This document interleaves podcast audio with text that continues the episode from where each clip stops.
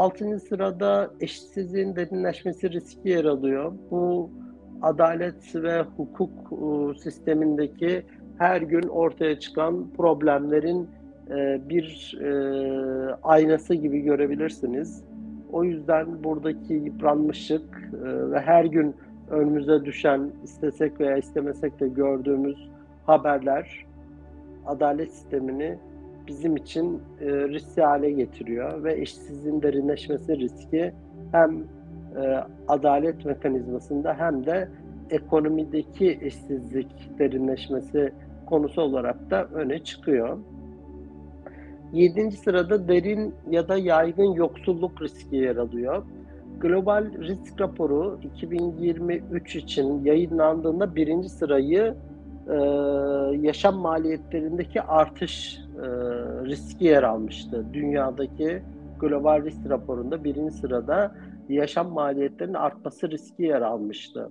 Bir Avrupalı, bir Amerikalı veya gelişmiş veya orta ölçekteki e, gelişmiş bir ülke, gelişmekte olan ülkedeki temel problem e, yaşam maliyetlerinin artması riskiydi. Biz bu riski yaşadığımız ülkede, yaşadığımız kaynaklar ve imkanlar çerçevesinde yaşam maliyetlerinin artması riski olarak yaşayabilecekken biz bu riski yaygın yoksulluk riski olarak yaşıyoruz. Kritik nokta aslında burası ve buradaki bir güven bunalımı, güven erozyonu da diğer risklere olan bakış açısını da e, son derece etkiliyor ve deprem riski, doğal afet riski diğer risklerin gerisinde kalıyor. Aslında beklenti 2024'te doğal afet riskinin birinci sırada çıkacağına ilişkindi bizdeki beklenti ama böyle çıkmadı.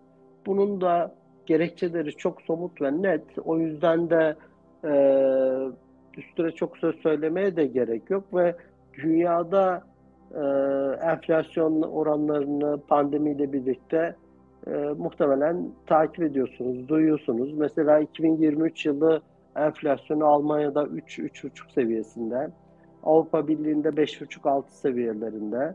Çok nadir bazı ülkelerde 8-9'ları gördüğü oluyor Avrupa Birliği ülkelerinde ama Avrupa Birliği'nin ortalaması 5,5-6. Globaldeki enflasyon ortalaması da 6 civarında ve biz 2024 Mart ayında muhtemelen %70'leri aşacağını öngörüyoruz ki bu TÜİK enflasyonu bir taraftan da. O yüzden bizdeki yaşam maliyetlerinin artması riski söz konusu bile değil. Bunun yerini derin ya da yaygın yoksulluk riski e, yer alıyor. Diğer e, bir riskimiz 8. sırada su krizleri riski yer alıyor. Su krizleri riski çevre riskleri arasında yer alıyor. Dokuzuncu sırada işsizlik riski ki işsizlik riski normalde daha üst sıralarda yer alması gerekirken e, toplumda ciddi bir işsizlik probleminin olduğunu da biliyoruz. E, dokuzuncu sırada kendisine yer buluyor ve onuncu sıradaki riskimiz de medya yankı odaları ve sahte haberler riski olarak kendisine 10. sırada yer bulmuş. E, toparlayacak olursam risk raporundaki 5 e, ilk 10 riskimiz e, ekonomi, jeopolitik, teknoloji riskleri, toplumsal riskler ve çevresel riskler olarak sınıflandırılıyor. Ama bunlardan e, bir tane jeopolitik risk, gerisi 3 tane ekonomik kökenli risk, 2 tane çevre riski ve 4 adet de toplumsal risk kendisine ilk onda yer buluyor teknoloji kökenli riskler kendisine yer bulamıyor.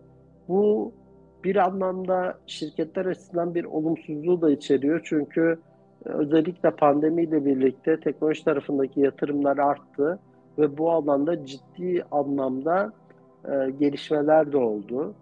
Bu gelişmeler şirket içindeki verimlilik çalışmalarından e, proseslerin dijitale aktarılması ve e, insan gücüne dayalı hizmet veya üretim tarafındaki e, talebin azalması. Çünkü teknolojiyle, algoritmalarla, robotik proses otomasyon algoritmalarıyla bu taraftaki e, ihtiyacın algoritmaya devredilmesi konuları e, sıklıkla önümüze düşen konular. Diğer taraftan da özellikle Almanya'da geçen hafta e, yayınlanan bir e, yasal değişiklik, kabul edilen bir yasal değişiklik. 3 yıl içinde Alman vatandaşlığı almaya e, alma noktasında getirilen imkanlar. E, bu da stratejik açıdan değerlendirildiğinde aslında ülke ekonomilerinin ve globaldeki kaymayı gösteriyor. Global ekonomilerdeki kaymayı gösteriyor. Bu kayma nedir diye soracak olursanız da e, yaklaşık 15-20 yılda verilen bir e, yasal vatandaşlık hakkı son yıllarda 3-4 yıllara düşmüştü. Ama Avrupa Birliği'nde hiçbir ülke bunu 3 yıl olarak standarda dönüştürmemişti. Almanya özellikle ekonomide mavi yaka veya beyaz yaka veya beyin göçü olarak sınıflandırabileceğimiz gruplardaki e, iş gücü eksikliğinden kaynaklı gayri safi yurt içi hasılasının düşmesini istemiyor. Ülkedeki iş gücü eksikliğinden dolayı fabrikaların, üretimin kapasitesinin düşmesini istemiyor. Bu faktörlerden dolayı böyle bir yasa kabul etti. Böyle bir yasayı hazırladı ve meclisinde kabul edildi. Bunun gerekçesi tamamen gayri safi yurt içi hasıladaki kayıpları engellemek. Stratejik olarak bunun önüne geçmenin yolu her yıl 1-2 milyon e, işsizi ülke ekonomisine kazandırmak değil, bunun farkına vardı ve e, çok rigid bir adım attı. 3 yıl içinde vatandaşlık veriyor.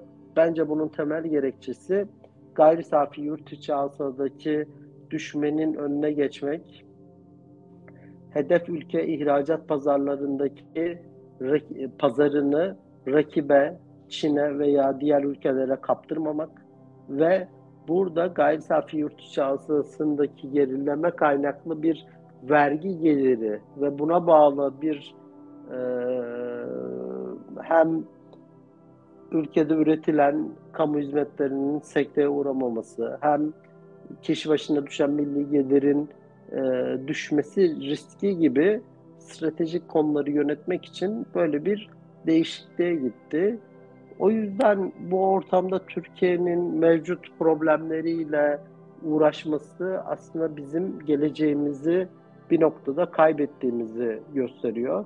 O yüzden iddialı oldu belki ama 2024 yılı Türkiye Risk raporunun alt başlığı geleceğini kaybeden ülke olarak kabul ettik. Bu şekliyle rapor yayınlandı. Bunun özetle teknik veya e, rapor bulgularındaki e, temel e, gerekçesi e, geleceğini kaybeden ülke olarak bu rapora bir alt başlık eklenme gerekçesi özellikle beyin göçü ve buna bağlı olarak ülke ekonomisindeki e, gayri safi yurt içi hasılasının azalmasına yönelik e, beklenti. Beyin göçü ve buna bağlı olarak Türkiye'de girişimciliğin, beyin göçünün bir takım e, problemlerimizi çözme noktasındaki e, beyin göçüne dayalı bir eksikliğin hem e, makro koşullara hem şirket ekonomisine hem de bireylere etkisi, olumsuz etkilerinden dolayı e, beyin göçü riski bizim için çok kritik bir risk. E, deprem riskinin, doğal afet riskinin veya olası e, kurdaki oynaklık riskinin veya piyasa risklerinin veya daha da kritik olanı bölgedeki e, bir takım çatışma risklerinin, savaş riskinin bile önüne geçmiş olması. İşte bundan dolayı e, Türkiye acaba geleceğini kaybetme riskini şu an e, yaşıyor mu? Tabii ki yaşıyor. Acaba bu risk realize oldu mu? Olduysa ne kadarlık kısmı realize oldu? Bunu biz durdurabilir miyiz? Bunu önleyebilir miyiz?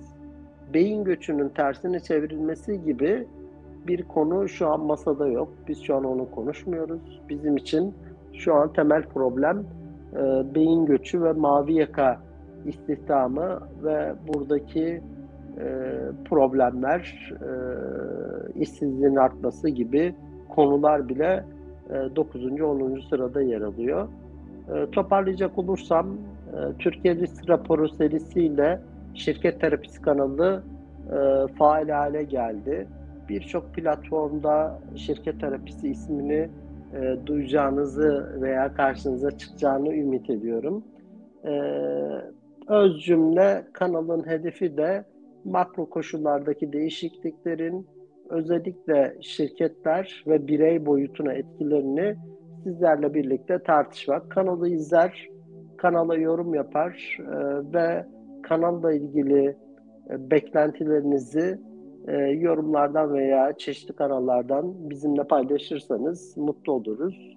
Amaç e, tamamen vizyon ve strateji paylaşımı ve buna dayalı olarak da bir takım risklerin yönetilmesine destek olmak olabilirsek ne mutlu bize.